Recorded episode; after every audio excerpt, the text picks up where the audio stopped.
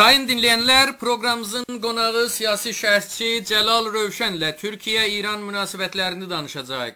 Cəlal bəy, Türkiyə-İran münasibətlərini biraz son olaylar üzərindən danışacağıq, amma öncə o olaylardan müstəqil olaraq bu münasibətlərin ümumi seyri haqqında nələr deyə bilərsiniz? Oradan başlayaq mümkünsə. Çox sağ olun dəyərli Əli Rıza bəy, təşəkkür edirəm sizdən və e, həmkarlarınızdan. E, dəyərli e, dinləyicilərinizə də buradan salamlarımı, sevgilərimi ilətirəm. Türkiyə-İran iliş ilişkiləri hər zaman, yəni son dövrlərdə gəlişmə e, göstəribdi. Ancaq bu gəlişmə Nə qədər də əlbəttə ki, bu iqtisadi boyutları var, güvənlik boyutları var. Ancaq bu gəlişmə hər zaman biraz üzü soyuq və çox da dostana bir e, ilişki olmayıb. Bunu e, görmək olar İran və Türkiyə e, diplomasi və diplomatik tarixində. Ancaq bu, bunun tarixinə də baxmaq lazımdır. Əlbəttə bildiyimiz üzrə, e, misal üçün məsələn e, Türkiyə-İran ilişkilərini nəzərdə aldığımızda ən bariz, ən aşkar e, misal dediyimiz Osmanlı Səfəvi irtibatı və əlbəttə ki, savaşları görürük. Ancaq Qacar dövründə biraz daha ılımlı vəziyyətdə seyr elədi. Ta ki 1926, 1925, 26 e, zamanlarında e, həm Türkiyədə e, yönetim dəyişdi. Osmanlı parçalandıktan sonra e, yeni e, cumhuriyet, Türkiyə Cumhuriyyəti quruldu. E, rəhmətli Mustafa Kemal Atatürk və əlbəttə İranda da Qacar e, dönəmi sona erdi və Pəhləvi sistemi iş üstünə gəldi. 1979-a qədər demək olar, əlbəttə onun tarixsel sürəci var. Ancaq çox qısaca o 1979 dönəminə qədər Türkiyə Cumhuriyyəti ilə İran, İranda Pəhləvi sisteminin arasında e, nisbətən dostanə və çox sıxıntılı olmayan bir irtibatı görürük. Ancaq İranda köklü bir dəyişim olur, Pəhləvi sistemi gedir və 1979 İran İslam İnqilabı iş üstünə gəlir. Bu İran e, İran İslam İnqilabı iş üstünə gəldikdən sonra təqribən demək olar 2000-lərə e, qədər bir ideologik sıxıntı da söz konusuydu. E, yəni rabitələr, əlbəttə ki, İranın İran-İraq savaşı e, məsələsi vardı. Çox da bu, bu ixtilaflar da çox gündəmə gəlmədi. Ancaq yenə də altdan altdan bir bir, bir sıxıntılar vardı, bir bir məsələlər hiss olunurdu. E, və bunun mən məncə ən əsas nədəni e, ideolojik e, nədənlərdir. Çünki sıxıntılı bir sistem e, İran e, İranda iş üstünə gəlmişdi. Doğrudan siyasi İslamı, siyasal İslamı İranda dövlətləş dövlətləşdirmiş bir kəsim İranda iş üstünə gəldi. Əlbəttə ki, Türkiyəyə hər zaman o sıxıntılı baxışı daha ön plana çıxartmış və abartmışlardı, qabartmışlardı. Ancaq son 18 il, 18 ildə, 19 ildə İran və Türkiyə irtibatını və ilişkilərini bir neçə yönlü baxmaq lazımdır. Məncə bunun ən əsas neçə başlığı ola bilər? Birisi güvənlik e, çox sıxıntılı e, məsələdir bu, e, çox qarmaşıq məsələdir. Yəni siyasi və uluslararası ilişkilər baxımından da çox qarmaşıq məsələdir. Bir güvənlik məsələsi var. Bunun başqa alt baş başlıqları var. Önəmli bir başqa bir məsələ iqtisadi məsələdir. İqtisadi məsələdə o da çox önəmli bir məsələdir. E, çünki Türkiyə və e, İran iqtisadi olaraq da çox ağır e, və dərin e, ilişkilərə sahiblər. E, bunların yanı sıra əlbəttə ki, bəzi krizlər və böhranlar da bu ideolojik məsələ və bir də bu əmniyyət dediyimiz, yəni güvənlik məsələsi dediyimiz, həm bu güvənlik məsələsində problemli və e, təzad və paradoks içərən məsələlər var və ondan doğra, doğaraq da əlbəttə bir sıra həmkarlıqlar, əməkdaşlıqlar və işbirliklərini də görə Əli Rza bəy. Yəni üst başlıqlarımız bu, bu bizim bunlar olur. Ən son İran Türkiyə münasibətlərində gərginlik bu şeir böhranında oldu. Araz-araz şeirinin Bakıda oxunması Türkiyə prezidenti oxudu. Siz o böhranı Türkiyə-İran münasibətlərində çox ciddi bir dönüş nöqtəsi kimi görürsünüzmü? Uluslararası ilişkilər baxımından baxdığımız zaman çox önəmli İran və Türkiyənin, yəni yaklaşık olaraq 470 kilometr bir sınırı var. Bundan əlavə Türkiyə və İran coğrafiyasında və cəmiyyət və nüfus baxımından bir müştərəkləri var və bir ortaqlıqları var, bir ortaq nöqtələri var. Çox önəmli və tarixi ortaq nöqtələri var. Bu ortaq nöqtələr e, eyni zamanda ki, ə, əlbəttə ki, bir müsbət nöqtəyə, müsbət məsələyə çevrilə bilər. Hər zaman da böhran və krizə səbəb ola bilər ki, olur. Yəni indi siz baxın, Türkiyənin illərdir başına bəla olmuş terror məsələsi. Bu çox böyük bir məsələdir. Yəni bu elə son dövrdə, son 2 gündə, 3 gündə belə Türkiyənin gündəmində, xəbər gündəmində, analiz və siyasi gündəmində, politik gündəmində bu danışılır. Yəni bu məsələ danışılır. Bu məsələnin içində sadəcə Türkiyə və ya PKK yoxdur. Bu məsələnin içində İran da vardır. İran da əlbəttə ki, öz e, istədiyi qədər, e, öz, öz payı qədər bu işdə həm müsbət e, rolu vardır Türkiyə baxımından, həm də mənfi rolu vardır. Yəni neqativ rolu vardır. Yəni bu, burada bir e, güvənlik məcmuəsi olaraq bunu ələ aldığımızda e, İran maalesef hər zaman e, Türkiyənin yapmadığını yapıbdı. Türkiyənin eləmədiyini maalesef İran hər zaman eləyibdi. Bildiyiniz üzrə Batı Azər İranın Batı Azərbaycanında çox əllərini, qollarını e, e, belə sallayaraq e, PKK terror örgütləri e, illər boyu vurkaç hərəkatı yapıb e, e, və əməliyyatları, operasyonları yapırlar. E, hain və e, necə deyirlər, e, köylərinə, e, Türkiyənin karakollarına e, baskınlar yapırlar və bunların qaçış nöqtələri, ən önəmli qaçış nöqtələri İran sınırıdır və İran sınırından keçirlər və rədd olurlar, gedirlər öz e, mərkəz paygahlarına. İran hər zaman buna maalesef maalesef göz yumubdur. Və bu İran-Türkiyə məsələsində çox önəmli bir kriz e, məsələsidir. Onun bir başqa tərəfi ki, biraz öncə də ərz elədim sizə, e, e, e, Türkiyə e, e, nüfusu ilə, Türkiyə cəmiyyəti ilə, Türkiyə milləti ilə eyni soydan və eyni dildən olan, eyni millətdən olan İranda yaşayan, İran bölgəsində, e, özəlliklə Güney Azərbaycan bölgəsi dediyimiz, coğrafi olaraq Güney Azərbaycan bölgəsi dediyimiz yoğun olaraq yaşayan Türklərin məsələsidir.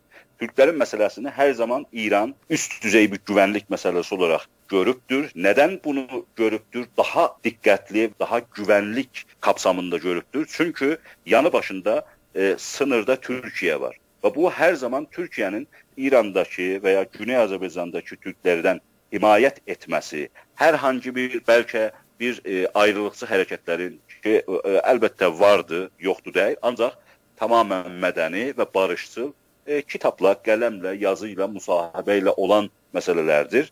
E, e, İran hər zaman bundan qorxubdur. İranın e, özəlliklə e, ilk bunu səsləndirən də Məmməd Cavad Zərif oldu. İran Dışişləri Bakanıdır. Sayın Cumhurbaşqanı, Türkiyə Dövləti Cumhurbaşqanı bu Qarabağ bölgəsində və o özəlliklə o 7 rayonda, azad olunmuş 7 rayonda e, illər boyu e, öz toprağından, öz bacısından, öz qardaşından uzaq qalan e, iki qardaşın həsrətini çox e, e, məsumanə bir şeirlə dilə gətirdi. Ancaq bu şeir e, İran tərəfindən çox güvənlik ihlali olaraq, yəni və İranın iç işlərinə qarışma və e, artı İranı bölmə, bəlkə məsələn o türk məsələsi, türk bölgə, bölgələ, e, bölgəsini bölmə məsələsi e, mən xatırladıram e, bir neçə il öncə idi. Dəqiq ili yadımda və xatirimdə olmamaqla bərabər bir neçə il öncə yenə də e, əlbəttə şeirlə yox, e, Sayın e, Ərdoğan çox ciddi bir şəkildə Pers milliyyətçiliyi və Şii yayılmacılığının İranın Pers e, milliyyətçiliyi və Şii yayılmacılıq siyasətini çox sərt bir dillə eleşdirmişdi. Yəni burada e, Türkiyə Cumhuriyyəti dövləti bunun fərqindədir. Ancaq e, İrana e, necə deyirlər, hər halda o iç dövlət mexanizmaları e, Türkiyənin e, əlbəttə ki, İranda çox fərqlidir. Cəlal bəy, burada biraz da yəni sanki İranın əli daha açıqdır. Yəni həm İran daxilində Türkiyəyə qarşı bir bir propaganda atmosferi yaratmaqda, həm Türkiyədə öz tərəfdarlarının fəaliyyətini İran orada təmin eləyir. Amma Türkiyə tərəfində sanki burada bir çətinlik var, çünki hər şey iqtidarın əlində deyil. %100 elədi. Çox doğru. Mən məsələn sizə e, çox e, kiçik bir misal verim. Dəyərli Əlizə bəy. Baxın, e, e, kültürel baxımından, e, e, yəni e, əmniyyət, güvənlik və o həssas məsələləri bəlkə məsələn bir neçə saniyə, neçə dəqiqə qırağa qoyaq. Sadəcə kültürel baxımından iki ölkənin e, bir-biri ilə anlaşmaları var. İki ölkənin bir-biri ilə işbirlikləri var. Ancaq bu işbirlik nəticəsində və sonucunda sonucuna bir baxalım. E, Türkiyədə e, son illərdə mənim bildiyim qədərilə ən az 7 universitetdə Türkiyədə, Türkiyə dövləti, Türkiyə torpağının torpaqlarında ən az 7 universitetdə fars dili və ədəbiyyatı bölümü açılıb və insanlar oxuyurlar. Ancaq İranda siz hansı universitetdə İstanbul türkcəsi var? Mənim bildiyim qədər bir Əllamə Təbatəbai Universitetəsində var ona da girmək Həzrəti Firişin təvəccühsüz. Yəni sadəcə burdan belə anlaya bilərik ki, bu dövlətin tavrı nədir? Yəni Türkiyə Cümhuriyyəti dövlətinin tavrı nədir və İran yönetiminin ki, mən ona bir dövlət olaraq e, baxmağı və adlandırmağı mən hər zaman qarşı olmuşam. Burada da elə sizin proqramınızın vasitəsilə mən İranı dövlət, İran orada yönətimi mən dövlət dövlət olaraq nitələndirmirəm. Çünki dövlət adabı və tərbiyəsi bambaşqa bir şeydir. Bir də Cəlal bəy, son son aylarda daha əvvəl də olmuşdu, amma son aylarda sanki bu mediada daha çox əks edildi. Türkiyə dövləti də bunu elə mediaya daha çox daşıdı. İranın kəşfiyyat nazirliyinə yaxın və hətta bəzi durumlarda sepaha yaxın bəzi qüvvələrin tutulmasına dair xəbərlər yayıldı. Onlara nə deyirsiniz? Bunlar Türkiyə tərəfindən bir cavab kimi dəyərləndirmək lazımdır, yoxsa o tutulmalar normaldır və bunun sadəcə mediada daha çox yayılması bir cavab kimidir? E, yox, o, o ona mən cavab olaraq onu düşünmürəm. E, çünki e, Türkiyə Cümhuriyyəti dövləti e, e, yəni məncə o dövlət adabı və diplomasi e, e, necə deyirlər, e, yolunu və yöntəmini bilir. Onun cavabı, onun yanıtı o deyil. E, ancaq indi yəni onları dəyərləndirdiyimizdə bunu e, söyləmək istəyirəm, dəyərli Əlirzə bəy. Bilirsiniz 2016-dan bəri Türkiyədə çox böyük bir dəyişim e, və revizasyon olur. E, çünki bilir, bildiyiniz qədər bu e, e, Fəthullah Gülen terror örgütü məsələsi var idi Türkiyədə. E, indi də halən belə təmizlənməyə çalışır və e, o dövrdən qalmış e, çoxlu e, e, polis təşkilatının içində olsun, e, orduda olsun, eğitim sistemində olsun, sağlıq sektorunda olsun və e, bir çox e, e, çalışmalar yapılır ki, bu e, necə deyirlər, e, sıxıntıları ölkədən e, e, necə uzaqlaşdırsınlar. E, bir çox məsələni e, biz e, bu 2016-dan ön e, 2016-dan sonra gördüyümüz e, ittifaqları, hadisələri, məsələləri və çalışmaları biz əslində 2016-dan öncə görməmişdik. E, bunu mən sizə ərz eləyə bilirəm. Baxın, e, indi İran e, İran İslam Cümhuriyyəti e, elə o zaman e, Düşünürəm ki, o zaman başbakandı e, e, e, Sayın Erdoğan. E, o zaman e, biraz öncə e, söhbət elədim, bəhs elədiyim qəziyyənin kapsamında, yəni o Pers milliyyətçiliyi və Şii yayılmacılığının qarşısında e, hər e, çox sərt tavırını aldı. Və bunlar da təəssüflə belə deyim sizə, İranın e, o mücavirət məsələsi, sınır mücavirliyi məsələsindən irəli gələrək təəssüflə hər zaman Türkiyədə at koşturmaya, e, istədi istədiklərini eləməyə, e, uyuşturucu ticarəti ola bilər, başqa e, qeyri-yasal ticarətlər, qara para atlama və əlbəttə və əlbəttə başqa bir məsələ ki, bu son iki məsələdə bir İranın bir diplomatının e, tutuklanması məsələ və ondan öncəki bir mafiya e, e, qrubunun çökərtilməsi və bunun İranla və Sipahla ilişkidə olması və ondan öncə də bir, bir ərəb faalı e, Türkiyəyə çəkib və Türkiyədən e, necə deyirlər, qaçırması.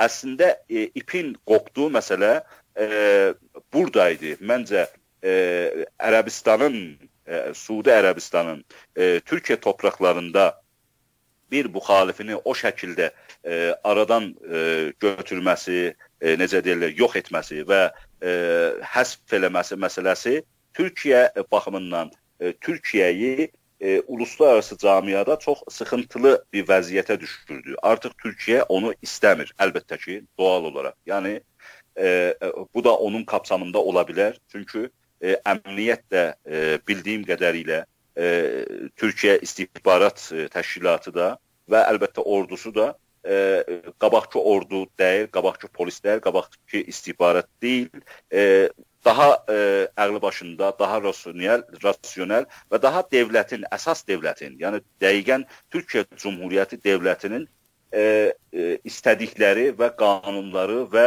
mənfəətləri e, çərçivəsində çalışmaya e, yönəlik bir e, hərəkət olaraq görürəm. Ancaq e, yəni o e, Zərifin və İrandan yüksələn bir şeir üçün e, necə deyirlər, biz bu hərəkətlərə əncam verdik. E, mən biraz e, açıqcası uzaq görürəm məsələni.